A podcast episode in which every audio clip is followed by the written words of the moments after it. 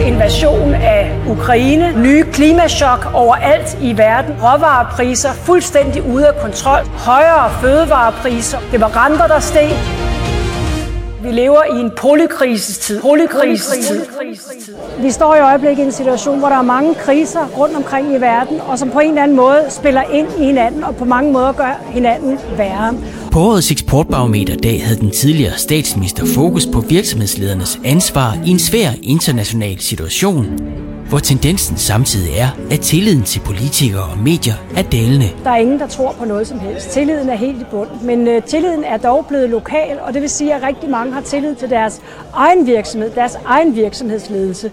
Og det giver jo også et kæmpe ansvar til virksomhederne om at være dem, som formidler alt, hvad der sker i verden, og giver gode svar til medarbejderne. Mange af jeres medarbejdere, de sidder og regner med, at I har styr på det. Medarbejderne forventer, at deres ledere kan udlægge teksten. At I vil være gode til at oversætte nogle af de ting, der sker, og komme med nogle gode svar. For mig der er eksportdagen dagen i dag, det er også en hyldest. Det er en hyldest til jer. Det er en hyldest til jer, der tør at bevæge sig ud over landets grænser og tage kampen op på den globale markedsplads.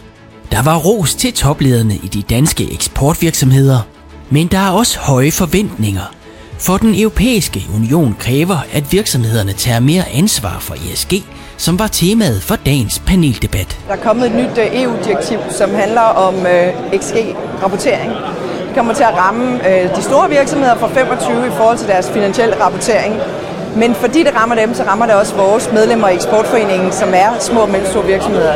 Gerne hjælpe med at sætte fokus på, hvordan kan de bedre klare de rapporteringskrav, og hvad kan vi som en medlemsforening med eksportfremme som fokus gøre for at hjælpe dem bedre.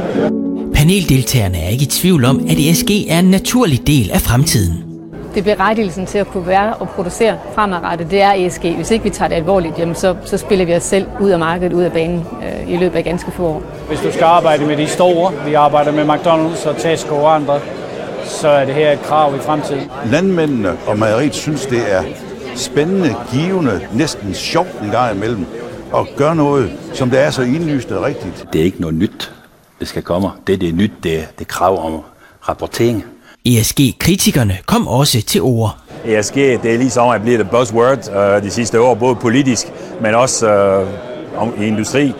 Hvordan vi takler det, uh, hvordan al den det hav af, af kan man sige, udtryk, som man hører, hvad betyder de, og, og hvordan forholder vi os til det, det er faktisk, synes jeg, noget, der er meget svært. Det sker mange ting, og du har flere forskellige scopes. Man skulle have understøttet mere den udvikling, hvor man starter nedefra, tager de lavt hængende frugter og stille og roligt hjælper virksomhederne med at udvikle deres CO2-aftryk. For der er ingen tvivl om, at alle virksomheder ønsker at bidrage. I panelet er der enighed om, at ESG er en nødvendighed. Vi vil gerne redde vores planet under en omstændigheder, så, så, så, så vi bliver nødt til at gøre noget ved det.